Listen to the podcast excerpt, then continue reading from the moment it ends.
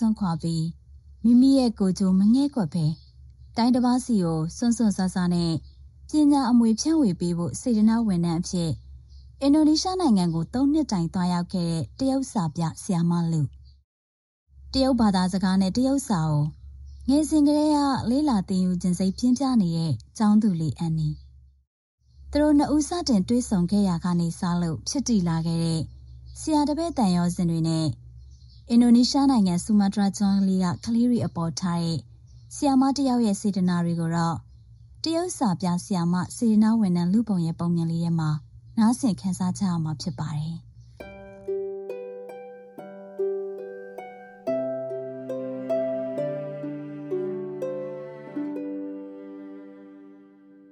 ။မယင်းရဲ့အခန်းထဲမှာအလင်းရောင်မှေးမိန်နေပြီးအပူပိုင်းဒေသမှာသာရှိတတ်တဲ့ မှုန်တက်နေတဲ့အနက်နည်းနည်းရှိနေပါတယ်။ခင်းနောက်ကြတဲ့အဲကွန်ဟာတဝုံဝုံနဲ့လေအေးတွေထုတ်ပေးနေပါတယ်။ဂရီမောကနေထထိုင်ပြီးဆေးတွေကွာကျနေတဲ့မျက်နှာချက်ကိုခေါင်းမော့ကြည့်လိုက်ရာကိုဘယ်ကိုရောက်နေတယ်လဲဆိုတာတော့ရုတ်တရက်တတိမရတော့ပါဘူး။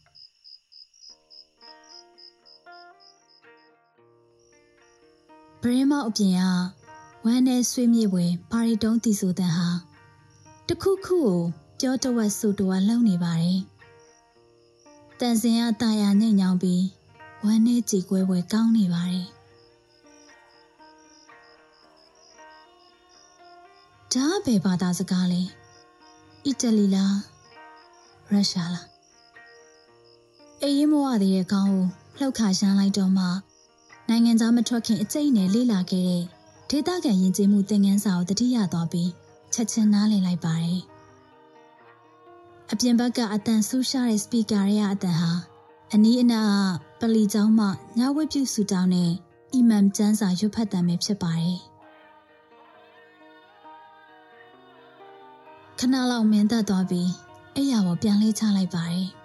။မိုင်မောင်းထောင်ချီဝေးကွာတဲ့မိဘအိမ်မှာထားရစ်ခဲ့ရတဲ့တနှစ်သားကလေးလေးကိုတတိယမိပြီး စိတ်ထဲမှာရုတ်တရက်လစ်ဟာနေတယ်လို့ခံစားမိရကြောင်းမျက်နှာကိုခေါင်းအုံပေါ်ဖိအိတ်လိုက်ပါတယ်အတမ်းမထွက်ပဲခဏလောက်ငိုပြီးသွားတော့အိမ်အောက်ထက်ကနေမျိုးပြရဲ့စူညံတန်တွေစတင်ထွက်ပေါ်လာပါတယ်ဂရီမောကဆင်ပြီးဗရင်မောက်လိုက်ကောင်ဖွင့်လိုက်တော့မီးရောင်စုံထိန်လင်းကားစားဖြစ်တဲ့ဒစိမ့်မျိုးလေးတစ်ခုပါမြို့သေးဆိုပေမဲ့ရှင်အသွားလာများတဲ့ပုံစံရှိပါတယ် အဝေးကိုလှမ်းကြည့်လိုက်ရင်တော့မိုးမျောတိုက်ကြီးလွှမ်းမိုးထားခြင်းမရှိပါဘူး။အီကွေတာမြင်းပေါ်ကညနေစည်းစာဟာ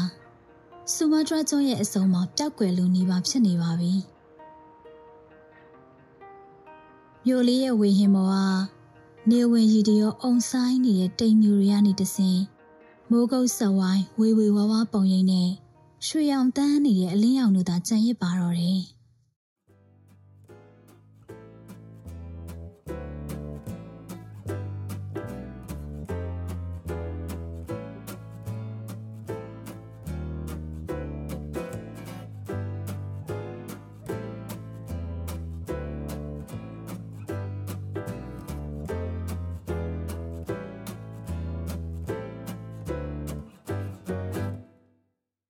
ကျမနာမည်က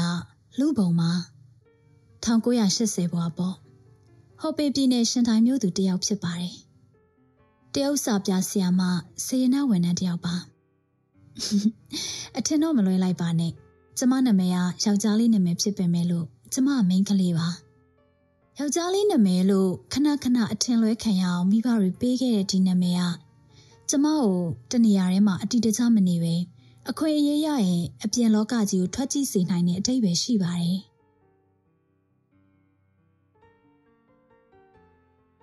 တရုတ်စကားထဲမှာသူများကိုဆရာလုပ်တယ်ဆိုတာနှိမ့်ချပုတ်ခတ်တဲ့ဝေါ်ဟာတာပါဒါပေမဲ့ညင်းလို့မရတဲ့တစ်ချက်ကတော့လူတချို့ကကျောင်းဆရာလုပ်ဖို့ကိုမွေးရပါဝါသနာပါခဲ့ကြတာပါကျမလည်းဒီလိုလူတွေကတယောက်ပါပဲ။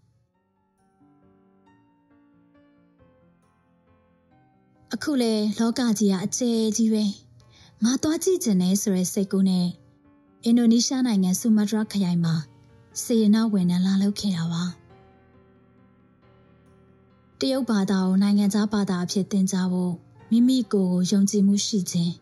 လေးငါးနှစ်အကြာလက်ရေးလှသင်ယူပူပြီးကိုယ်ကံပညာအနှဲငယ်တက်ကြွနာကြောင့်ရှောက်ထားမှုကိုမြ мян ဆန်ဆန်နဲ့ခွင့်ပြုချက်ရခြင်းပေါ်တိတ်တော်မအံ့ဩခဲ့ပါဘူး။ ဒါပေမဲ့အခုချက်ချင်းထထွက်သွားမယ်ဆိုတဲ့ဒီခီးစဉ်ရဲ့အစကတော့ကိုထင်ထားသလောက်မပြည့်ပြည့်စုံနေပါဘူး။ရောက်လာမှတော့လေစိတ်အေးအေးနဲ့နေသွားမှာပေါ့။စေရနာဝန်ထမ်းဘဝကဘယ်နေရာကနေစတင်ရမလဲဆိုတော့ထမင်းစားဖို့နေရာရှာတာကနေစရမှာပါ။နေ့လည်လေးရင်ဘဝဆင်းတော့ဝါရင်နဲ့ပညာရှင်ပုံစံမျိုးနဲ့လေရင်လာကြိုတဲ့ကျောင်းဒရိုက်တာတွေရဲ့ညစာဖိတ်ကြားမှုကိုရင်ရင်ကြည်ကြည်ညှင်းခဲ့လိုက်ပါတယ်။ ခေါင်းမှုနေလို့မစားချင်ဘူးဆိုတဲ့အကြောင်းပြချက်နဲ့ပေါ့။တိုက်ခန်းကိုရောက်တော့အထုပ်ပိုးတွေချပြီးတန်းအိတ်လိုက်တော့တာပါပဲ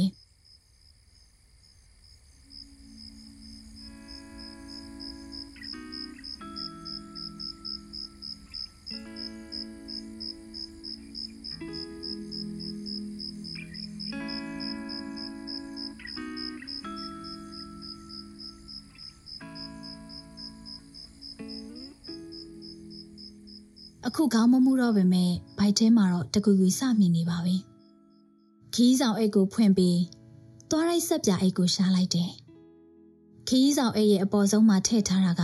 မှန်မောင်လေးတစ်ခုပါကရုံးလေးနဲ့ကလေးလေးကကျမကိုပြုံးရည်ပြလို့နေပါတယ်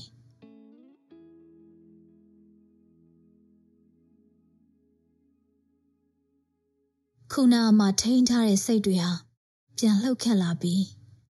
မျက်ရည်တွေကထိမ့်မနိုင်သိမ့်မနိုင်ပဲထွက်လာပါတယ်။လွန်ခဲ့တဲ့နှစ်လတော့ကစေရနာဝန်ထမ်းခေါ်ယူရေးအေဂျင်စီကဆရာနဲ့ကျမဟာသူ့အကြောင်းကိုဆွေးနွေးခဲ့ဘူးမှန်ကလေးလေးကတော့သိမှာမဟုတ်ပါဘူး။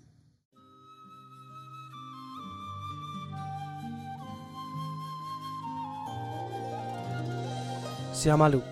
ခမရဲ့အရေးချင်းကိုကျွန်တော်တို့အရန်အားရကျေနပ်ပါ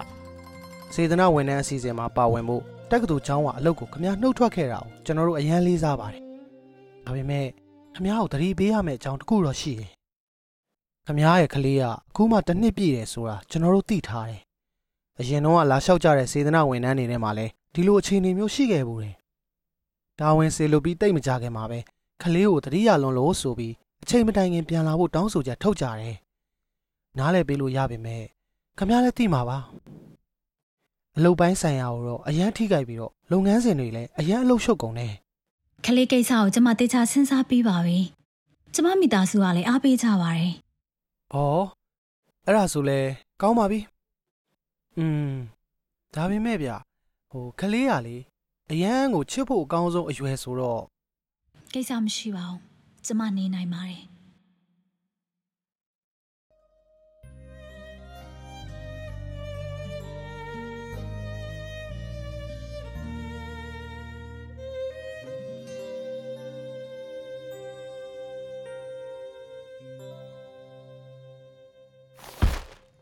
ဆောင်အိတ်ကိုဘုံကနေပိတ်လိုက်ပြီးကလေးတက်ပုံကိုကတင်ကောင်းရင်မှာအตาရတင်ထားလိုက်ပါတယ်။အသိစိတ်ကိုပြန်ထိန်လိုက်ပြီးသွားတိုက်ဆက်ပြအိတ်ကိုယူကာပတ်ကြတမ်းမြည်နေတဲ့ရေချိုးခန်းတကားကိုတွန်းဖွင့်လိုက်ပါတယ်။အဆက်ပြောက်တွေနဲ့မှန်နေမှာအနှဲငယ်ဖြူစွန့်နေတဲ့မျက်နှာနဲ့မျက်လုံးတွေကအနှဲငယ်နှီးမြန်းလို့နေပါတယ်။လက်နှစ်ဖက်နဲ့ရေခတ်လိုက်ပြီးမျက်နှာကိုရိုက်လိုက်ပါတယ် နှကန်းတီထုတ်ပြီးအယောင်တင်မှုစဉ်းစားလိုက်ပေမဲ့တစ်ချက်တူဝေသွားပြီးဘေးစင်မောင်ပေါ်မှာပြန်တင်ထားလိုက်ပါတယ်။စပင်ကိုပြီးဆိုလဲဖီးပြီးတော့နိုင်ငံကူလက်မှတ်ပတ်စံရင်ထည့်ထားတဲ့စလင်းဘက်ကိုရှူပြီးတိုက်ခန်းတကားကိုတေချပိတ်ခါတက်လီကားနဲ့အောက်ကိုဆင်းလာခင်းလိုက်ပါတယ်။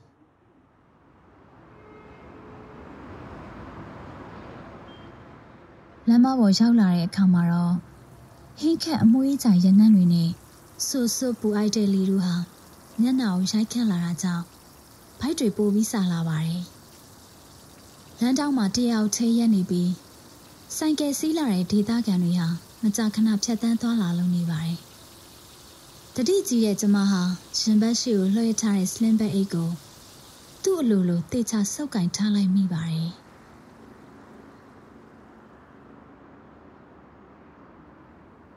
လမ်းမရဲ့ဘေးနှစ်ဖက်မှာ တသုံးလွှာလောက်ပဲရှိတဲ့အိမ်အိုတိုက်ဟောင်းတွေရှိနေပါတယ်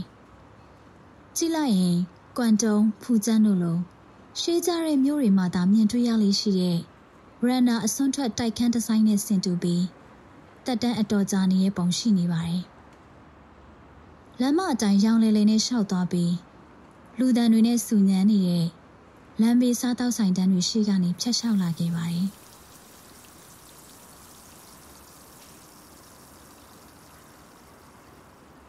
စားတောက်ဆိုင်နိုင်ရဲ့အပြင်ဘက်မှာတော့အသားညိုမဲပြီးစွတ်ကျက်လက်ပြက်နဲ့ကလေးအလုတ်သမား၄၅ယောက်ရှိတတ်ပါတယ်။လမ်းဘေးရရင်မြောင်းနားမှာစောင့်ကြောက်ထိုင်ပြီးရီရီမောမောနဲ့စကားပြောဆိုနေကြရင်နဲ့ဆက်ပြမြုပ်တွေထည့်ထားတဲ့ရီစလုံးထဲမှာပကံခွက်ရောက်တွေကိုစေးကြောနေကြပါတယ်။အတန်ကြောင်ရက်ကြည့်တွေဝေးနေပြီးတော့ဝင်သွားကြည့်ဖို့ကတော့ဆုံးဖြတ်ချက်မချနိုင်ခဲ့ပါဘူး။မထူတော့ပါဘူး။မီနီမာကတ်တစ်ဆိုင်ရှာပြီးတော့ပဲ ခောက်ဆွဲတော့ဝယ်ပြီးတနက်စာဖြည့်ရှင်းလိုက်တော့မယ်လို့ဆုံးဖြတ်ပြီးရနဲ့ခြေလန်းခတ်သွက်ရှောက်လိုက်ပါတယ်။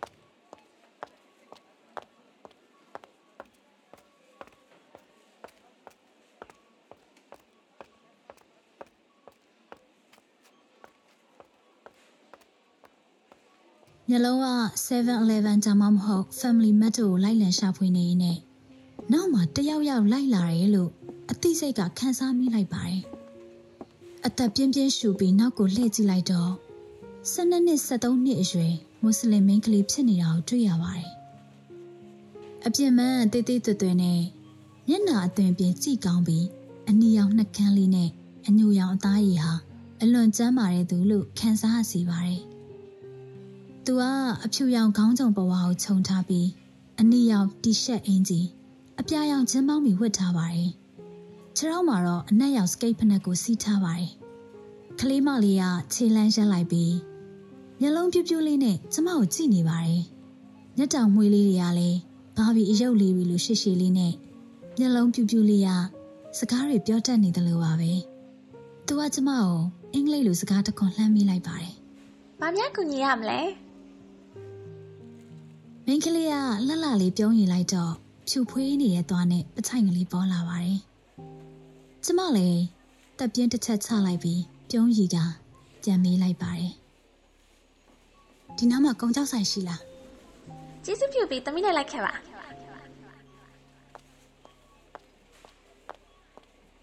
ကလေးမလေးရဲ့နောက်ကားလိုက်သွားပြီးလမ်းထောင်းကို꿰လိုက်တော့ကျမကဟိုနားဒီနားရှောက်ကြည့်နေချိန်မှာသူကရုတ်တရက်ငုံလိုက်ပြီးဘဲရောက်သွားမှမသိတော့ပါဘူးကျမတို့ကိုလိုက်ရှာနေတော့မှပဲ နောက်ကိုပြန်လှည့်ကြည့်လိုက်တော့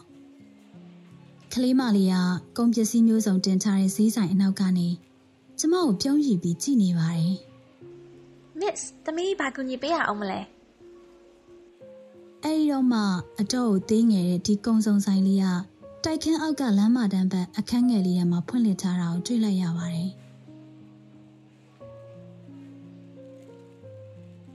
တကားကိုအပေါက်ပိတ်ကြားထားတဲ့တစ်သားပြားက စပွဲကုံနဲ့ငွေလက်ခံကောင်တာအဖြစ်တာဝန်ယူထားပါတယ်။ကလေးမလေးကဒီတစ်သားပြားအောက်ကနေရှို့ဝင်သွားတာသိချနေပါပြီ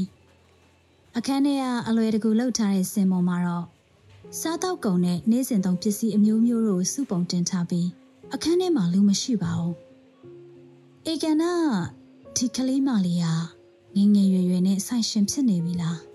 ။ဇဝေဇဝါဖြစ်နေတဲ့ကျမရဲ့အမူအရာကိုမြင်တော့ ကလေးမလေးကဘေးပပတ်လေးကိုကြည့်ပြီးဂုံယူစွာနဲ့ပြောလိုက်ပါတယ်။ဒါသမီးရဲ့မိဘတွေပိုင်တာသမီးကဒီမှာအကြီးတန်းအယောင်းဝင်တန်းပါ။တကယ်ကိုညံကောင်းပြီးတော့တော်တော်လေးတဲ့ကလေးမလေးပဲ။ကျမလည်းစလင်းဘတ်ထဲကနေပတ်စံအိတ်ကိုထုတ်ပြီးမေးလိုက်ပါတယ်။ဒီဆိုင်မှာအတင်စားခေါက်ဆွဲကြောက်ရှိလား။ဟုတ်ရောင်းပါတယ်။နီဟွန်ကြီးဂျပန်လူမျိုးလား။ဟန်ကူစားတော့ကိုရီးယားလူမျိုးလား ပစ္စည်းယူပစ္စည်းပြပစ္စည်းရောင်းတစ်ဆက်တည်းလှုပ်ပြသွားပါတယ်ကျမလည်းရုတ်တရက်ရင်မိလိုက်ပါတယ်ဒီကလေးမလေးကဘာသာစကားပါရမီရှင်လေးတယောက်ပဲ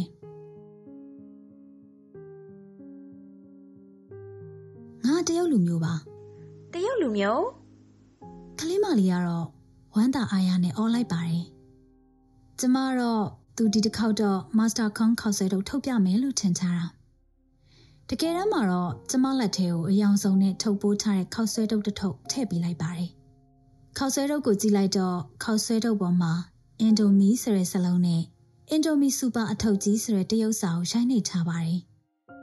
ဘေးမှာတော့ဂုံယူစွာနဲ့ Product of Indonesia လို့ဖော်ပြထားပါသေးတယ် Miss ဒါလေးစားကြည့်ဒါသမီးတို့နိုင်ငံရဲ့ဂုံယူစရာထွက်ကုန်တစ်ခုပဲ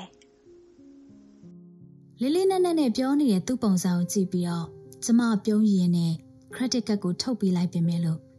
ကလေးမလေးကခေါင်းခါပြပါတယ်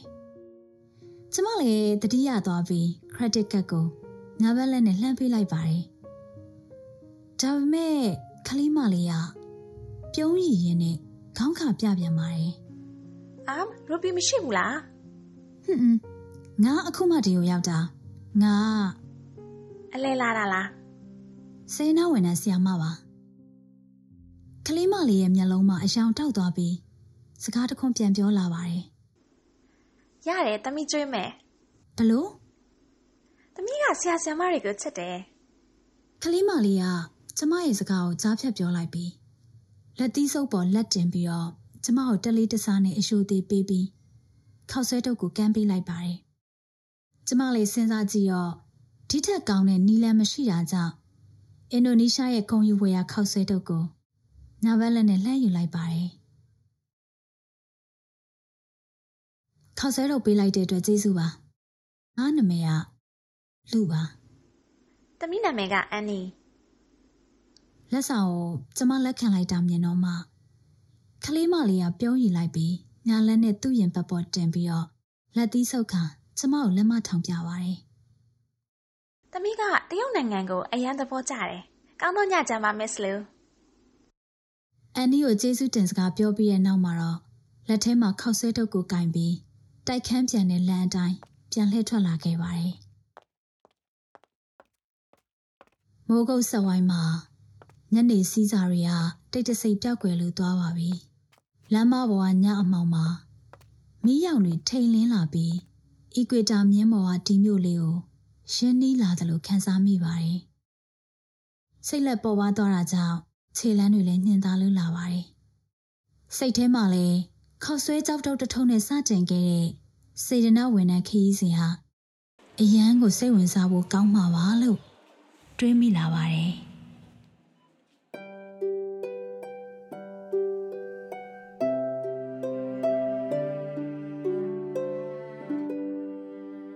ဒီအစီအစဉ်ကို CRI မြန်မာပိုင်းအစီအစဉ်မှစီစဉ်ထုတ်လွှင့်ခြင်းဖြစ်ပြီး ဇလန်ရေးသားသူမှဝင်းဆန္ဒဖြစ်ပါတယ်ရှင်။